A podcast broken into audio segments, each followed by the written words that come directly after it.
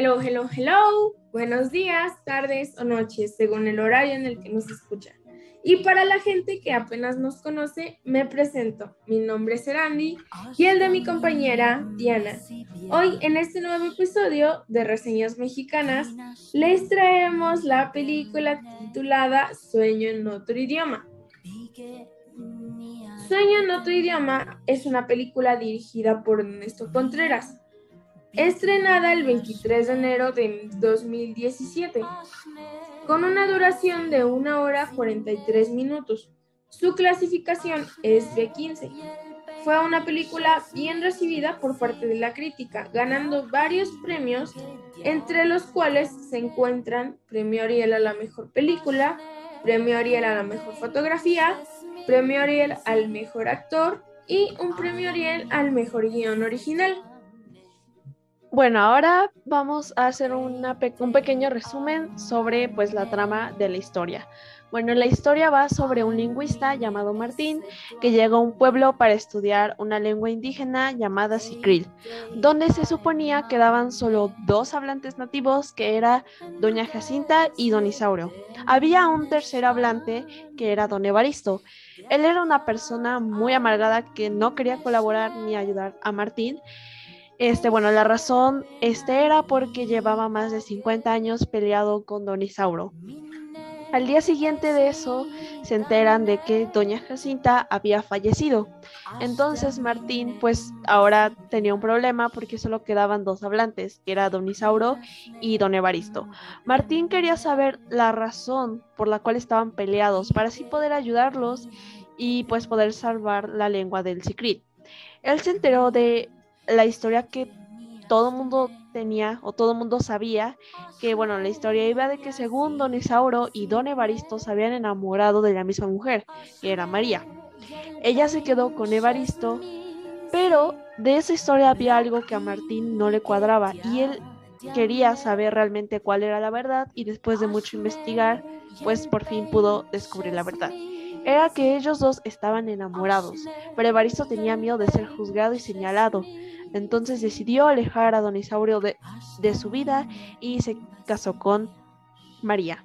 Después de enterarse de eso, Martín logra juntarlos y ellos aceptan trabajar juntos, pero les fue bastante difícil, ya que don Evaristo seguía con miedo y enojo, entonces volvieron a pelearse y bueno, después de, de esas peleas pasaron varios días, don Isauro se puso muy mal y pues murió. De ahí don Evaristo pues se dio cuenta de pues el error de no poder hablar con él después de tantos años de no pues ser como libre, entonces él fue a la cueva de los Sicril donde estaban todos los muertos que pertenecen al Sicril, entonces empezó a hablar con él y pues decidió irse para poder por fin poder estar con él.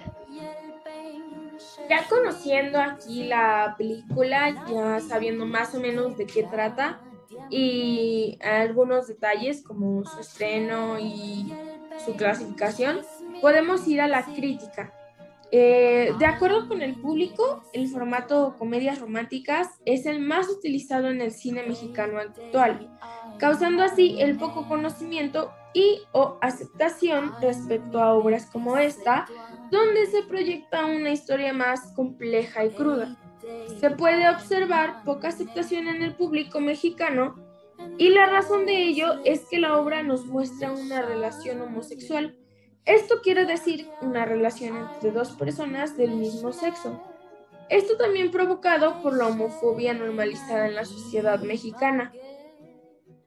Bueno, ahora vamos a centrarnos más en lo que viene siendo eh, pues la historia, ya no tanto como lo que fue el público, sino ahora más en la historia. Bueno, siento eh, que al principio de la historia existen ciertos fallos en el desarrollo, ya que sí puede llegar a ser bastante lenta. Cuando yo la estaba viendo, sí se me hizo algo lenta y también incluso al principio un poco aburrida, mostrando detalles poco importantes para la trama, pero me sorprendí porque esto se arregló, o sea, lo lograron arreglar, porque después de eso nos mostraron pues sucesos pasados y presentes los cuales estaban relacionados entre sí.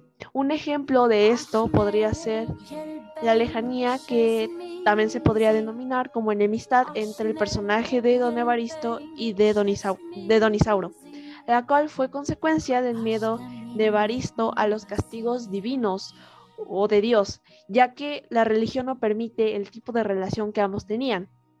Respecto a la religión, creo que es un punto bastante importante y algo que me sorprendió bastante, muy bien tomado, o sea, me encantó que pues pusieran el tema de la religión, porque debido a esto fue pues la parte del, detonante del conflicto, de haber tocado ese tema en la historia, es una de las cosas, como dije, positivas, ya que es algo que es bastante real, algo que mucha gente sí se puede identificar por ese miedo de ser castigados o por tener una orientación diferente a la que viene siendo la heterosexual.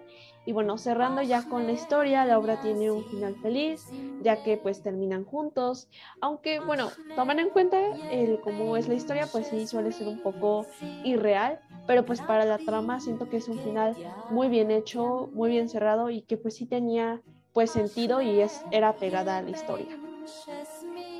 Y ahora hablando más en el lado de los personajes y su función en la historia. Eh, bueno, la historia se centra en los personajes que son Evaristo e Isauro, pero en el presente no hubiese un contacto entre ellos si no hubiera ido Martín. Jacinta es la que detona el desarrollo de la historia, ya que sin su muerte no habría recurrido a Evaristo. Sin embargo, durante el resto de la historia no tiene relevancia su muerte. Lluvia tiene importancia debido a que ayuda a Martín a convencer a Evaristo, el cual es su papá, y cuenta la historia real sobre el pasado de Evaristo Evisauro, aunque no tenemos un desarrollo muy profundo en su personaje. María nos sirve como apoyo para Evaristo cuando llega su miedo a los castigos divinos. Al igual que Flaviana nos sirve como apoyo a Isauro cuando su casa fue destrozada por el incendio iniciado por Evaristo, ya que le da asilo y comida. Santiago, Martita y Silverio son personajes que no tienen desarrollo en lo absoluto. E incluso podemos decir que no aportan nada a la trama y sin ellos, si ellos no estuvieran ahí en la historia, ¿No habría alguna modificación importante en la trama o algo significativo? Realmente sería como no están y ya. Y, o sea, ¿qué podemos decir como conclusión? ¿Qué podemos tener como conclusión, Diana? Bueno, para mí como conclusión es siento que es una historia bastante innovadora, toca temas bastante realistas con los que mucha gente se puede sentir identificado. Yo siento que más la gente que forma parte de la comunidad pues es una historia que pues, pues a muchos les pasa, ¿no? De ese miedo que tienen. También pues el desarrollo de la historia, eh, como el desarrollo de los personajes, son bastante buenos. A veces llegan a descuidar un poco la trama principal y se llegan a desviar poniendo tramas poco importantes o que no ayudan mucho al desarrollo de los personajes, pero logran arreglarlo y seguir pues adelante con la historia. Sí, y la historia tiene muchos puntos a favor, ya que de cierta manera una persona se puede identificar con el reprimir sus sentimientos para no ser castigados o por el miedo a los castigos divinos o que están pecando. Porque la mayoría de personas que se pueden identificar con esto son las personas que son que no son heterosexuales o que son gays, lesbianas, bisexuales, de todo porque muchas veces se les obliga a reprimir sus sentimientos porque es pecado.